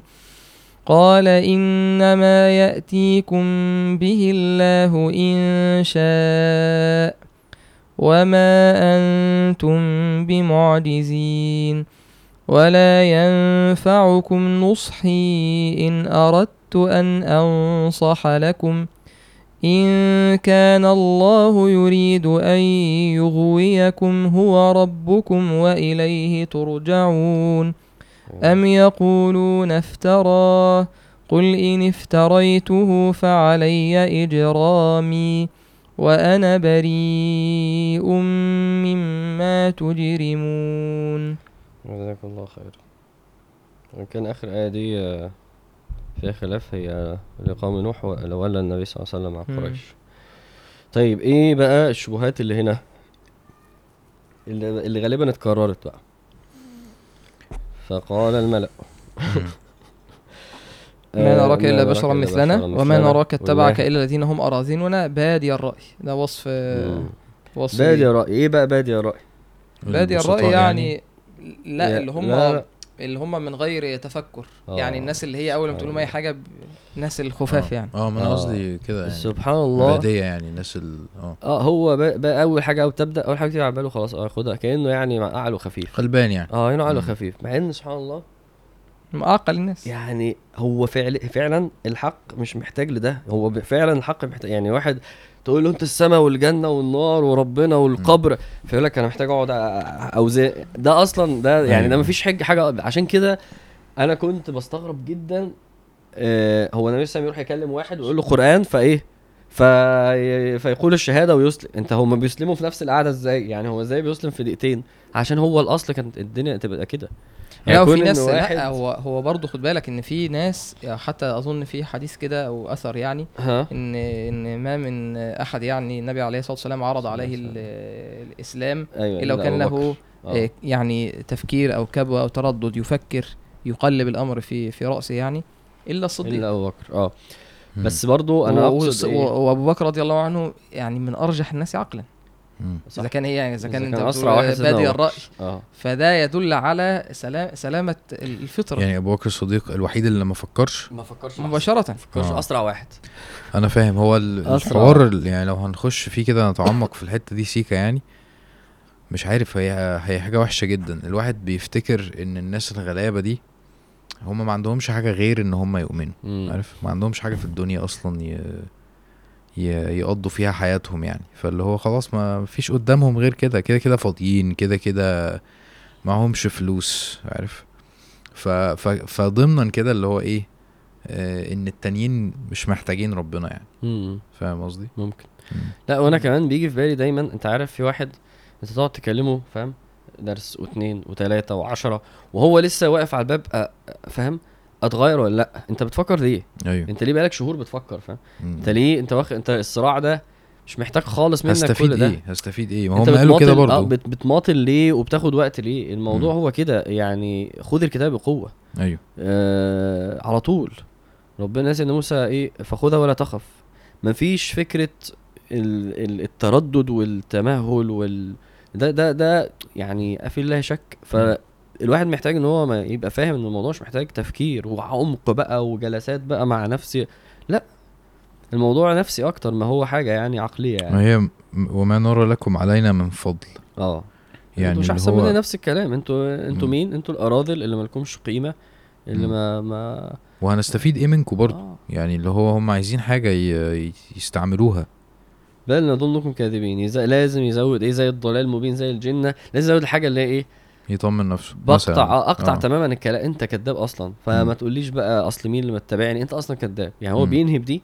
بل اللي هي المضاربه اللي هو ايه سيبك بقى من كل اللي انا قلته انت كذاب سبحان الله الايه دي انا مش فاهمها بقى ان هي إيه؟ 28 ماشي ده رد سيدنا نوح رايتم ان كنت على بينه من رب نفس اللي قاله في اول حاجه خالص قراناها انه ده وحي انه م. انا رسول اتاني رحمه من عندي انه انا ربنا اتاني الرساله والوحي وكل والهدايه وان انا ببلغكم بده ربنا بقى عميت عليكم يعني آه ربنا حجب عنكم الهدايه دي م. انا مش هجبرك بقى عليها انلزمكم وانتم لا كارهون يعني الحق جاءك وانت رفضت وربنا منع لك الرحمه اللي اداها لي دي م. انا مش عارف اجبرك على حاجه هو ده برضو يعني ده مهم يعني ال ال المساحه النفسيه دي عند الداعي الى الله ان انت لا لا يعني لا تملك ان انت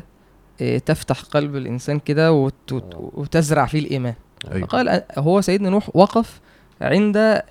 الحد اللي ربنا سبحانه وتعالى امره ان يقف عنده حلو. يعني انا لا املك ان انا ازرع الهدايه في قلوب الناس آه. انا علي البلاغ انا عليك البلاغ كمل لان هو في آه. الاخر قال كده انلزمكموها وانتم لها كارهون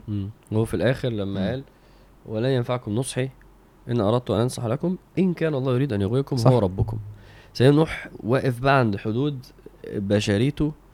وانه انا دوري البلاغ كويس قوي وانا ما اقدرش اعمل لك حاجه حتى هو حتى هم بي بيطلبوا الاستعجال العذاب أوه. بيقول لهم آه، قال ياتيكم به الله ان شاء ده يعني لو ربنا شاء ان هو ياتي عادي الفكره ان انت انت بتدعو ان انت ما تسخنش لما الناس تسخنك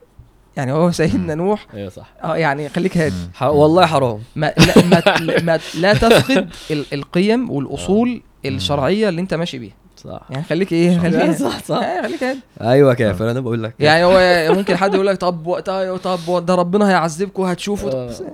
ايه ده؟ الآية اللي بعدها قوي قوي آه. وانا كده كده مش واخد منكم فلوس قم تاني اهو لا يسألك على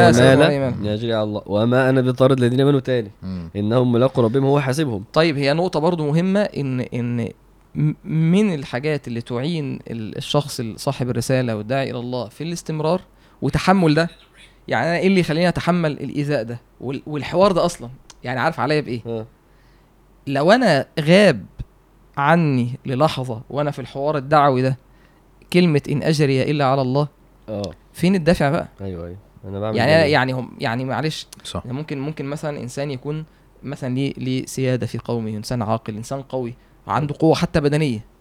ويجي مثلا واحد مدعو آه، اضعف منه دنيويا واضعف منه بدنيا ويتريق عليه ويسخر منه ومش عارف ايه وبتاع هو ما هو ايه هو قادر ان هو يضربه أيوه. قادر ان هو حتى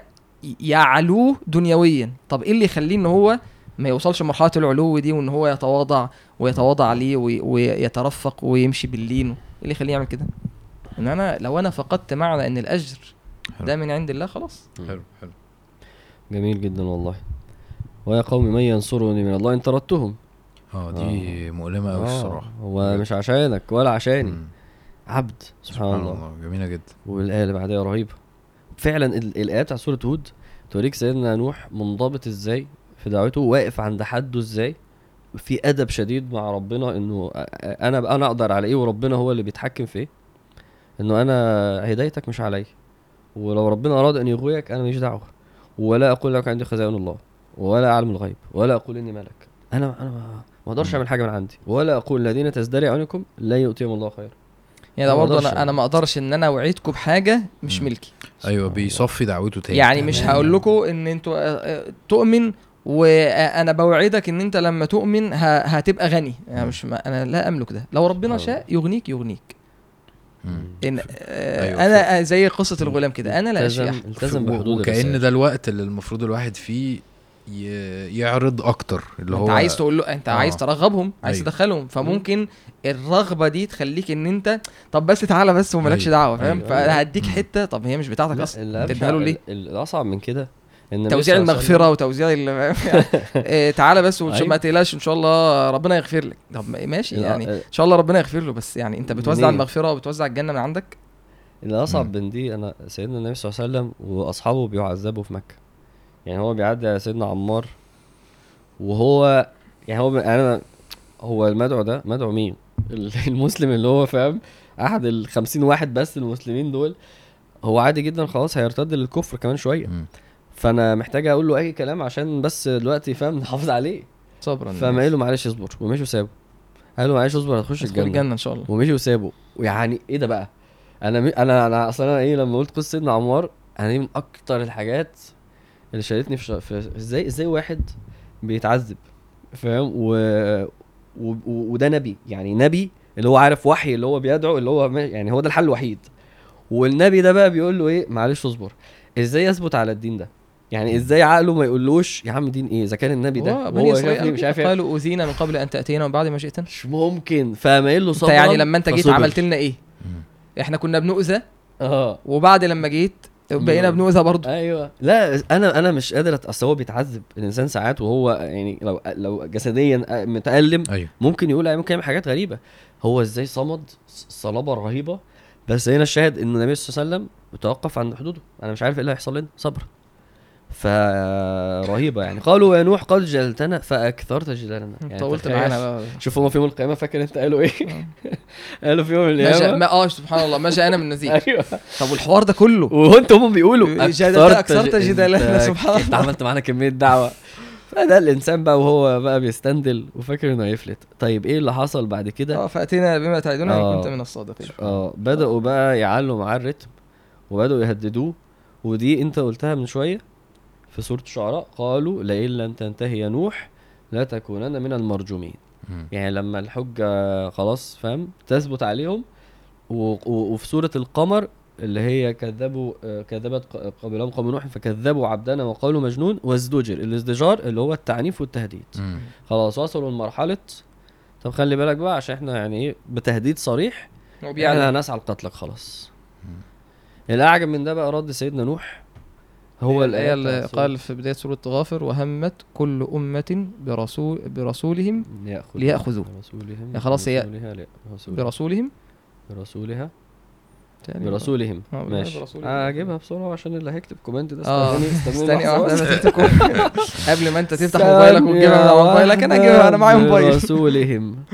إيه، إيه، إيه، ياخذ ياخذوا خلاص ان هي اللي هي يعني. مرحله آه. اللي هو بيفكر فيه التطور الطبيعي هيخطف هيخطف الراس ده ويقتله ويموته التطور آه. الطبيعي اهل الباطل مره ينفض له مره يتريق مره يهدد مرة يقولوا أنا موتك ومرة يموتوا زي ما بني إسرائيل عملت مع بعض أنبيائهم فتحدي سيدنا نوح بقى في سورة يونس قال لهم إيه بقى واتلو عليهم نبأ نوح إذ قال لقومه يا قوم احنا هنا بنتكلم في المرحله دي عشان كده اه عشان كده يعني مهم ان احنا نفهم سياق الايات في المرحله دي ان كان كبر عليكم مقامي وتذكيري بآيات الله لو انتم مستكترين ده ومش شايفين ان انا يعني استحق ان انا ابقى في الرساله دي والكلام اللي انا بقوله فعلى الله توكلت فاجمعوا امركم وشركاءكم هنا هنا بيقول في التفسير ان هو عزمتم على قتلي اه يعني هو ده هنا ده خلاص في, في مرحله المفاصله ان هم قالوا لئن لم تنتهي يا نوح لتكونن من المرجومين هنموتك فده دي اللحظه اللي هي خلاص ما عادش آه. في سبيل للدعوه مفيش آه. خلاص أوه. الدنيا قفلت خلاص احنا اتفقنا وهو عرف فاجمعوا امركم وشركاءكم ثم لا يكن امركم عليكم غمه ثم اقضوا الي ولا تنظرون يعني اه يعني يقولون ثم لا يكن كيدكم سرا مبهما اه ما هي دي يعني آه،, اه ظاهر ده هو تمام يعني التوكل يعني اقعدوا بقى هاتوا اخركم وعلوا صوتكم ان تسخروا منا فانا نسخر منكم كما تسخرون فسوف تعلمون yeah. ثم لا يكن امركم عليكم غمه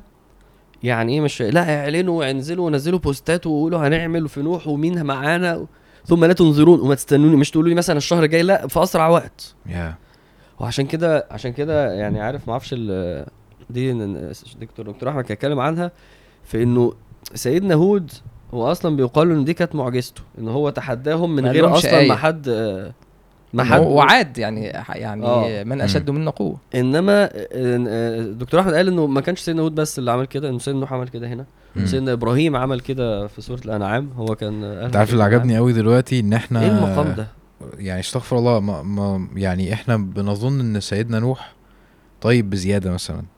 عشان صابر عليهم وحليم آه. وكده فلما تشوفه في الموضع ده آه. وهو بيتحداهم اللي هو يلا بينا هو هو هو دي طيبه برضه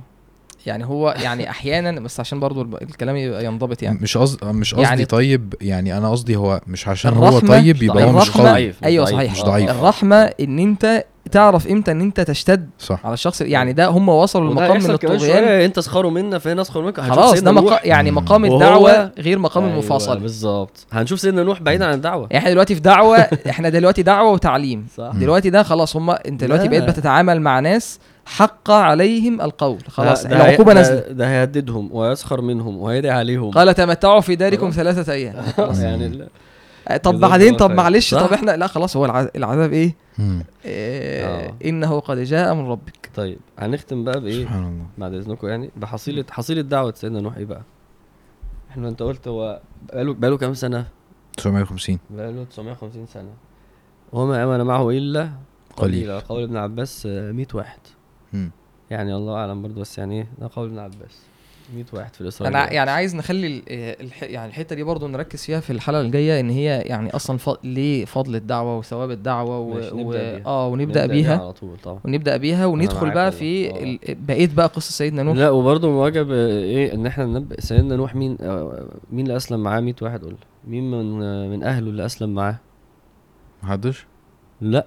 آه، اولا بعض في, بني. في, في بعض اولاده اسلموا م. وفي اغفر لي ولوالدي ودي فرحتني انه آه، يعني شوف برضه زي ما كان عنده امراه نوح اه كفرت واحد ابنائه آه، اعتزل وكان على الكفر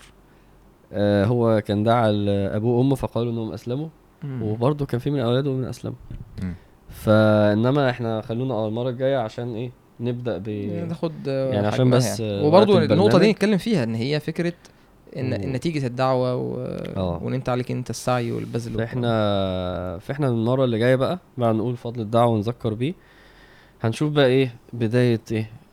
الاهلاك واحداث الطوفان وبناء السفينه وبقيه القصه يعني كويس فحاول تعمل هنا اي حبكه آه. دراميه كده في اخر الجمله دي يعني. اه لو حد لو حد يعني وصل لاخر الحلقه كده يعني آه، انا عاده انا عاده مش مش بقول الكلام ده إيه، خالص يعني, سبسكرايب يعني. لا لا لا يعني كتابه كتابه التعليقات فعلا بت... بتساعد يعني لو حد بيحتسب نيه صالحه في ناس بتعمل كده الحمد لله يعني بتحتسب نيه في ان هو يكتب تعليق بغرض ان الـ الـ المحتوى يوصل للناس اكتر يعني yeah. انا عاده مش ايوه هو كل مش صح لما بيكتب آه، ممكن. تعليقات كتير ده بيساعد في انتشار ال آه فعلا الصراحه الصراحه آه. ما اعرفش الكومنتس بس آه انا مش قصدي الناس تعمل كده بس اللايكس بتفرق لايك يا جماعه انا عايز الفيديو ده يوصل ل 50000 لايك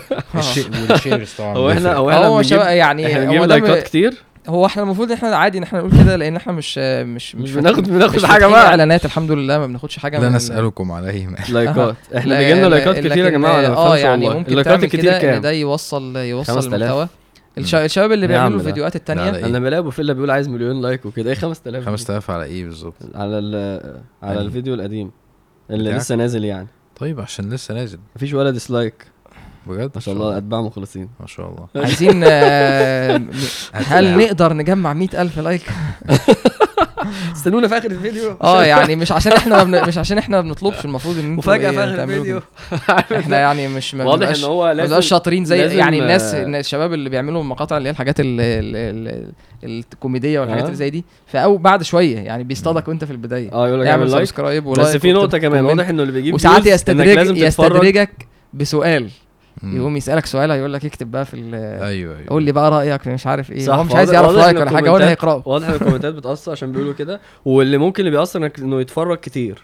أيوة. لانه بيقول لك في مفاجاه في الاخر طب انا ممكن اجيب في الاخر بقول لك ايه انت عارف شريف طبعا هيبعت لنا ان آه، احنا نشيل الحته دي صح لا لا لا عادي لا لا عادي والله لا هي طالما هي طالما هو مش عايز الفيوز توصل آه. عشانه يبقى هو مش هيقول لك اقول لك حاجه بجد هو هيراجع نيته ونشوف ايه يعني فعلا وعي بالذات ايوه بالذات هي واعي بالذات مش فارق معايا يعني انا نفسي الناس تتفرج على حاجات ربنا بيبارك فيها آه، من غير اي حاجه يعني بقيت حاجات شريف ما تعملوش كومنت جزاكم الله خيرا آه نشوفكم في حلقه الجايه نكمل ان شاء الله بتعمل ايه دوس يا عم انت هتدوس على نفس البتاع ده هتبوظ كل حاجه دوس على ستوب اه اه آه نشوفكم في الحلقه الجايه ان شاء الله آه. انا اللي ممكن افكر الناس بس ان اللي عايز يسمع هيلاقي آه، البودكاست على ابل على جوجل على انغامي موجود اي حاجه انت عايزها هتلاقيها ان شاء الله يعني. على انغامي اهو مش عارف في, في واحد في واحد بقول له اسمه احمد بيدور على حاجته اسمه احمد عامر فكده احمد عامر كان في مغني مشهور جدا الاغنيه 20 مليون و... لا لا مغني يا جدعان تح... يعني استغفر الله العظيم اقطع الحته دي اقطع الحته دي بسرعه هي دي لا تلاقي الناس عارفاه لا لا لا لا ما تقولش عشان الناس طيب طيب سلام سلام سلام سلام كات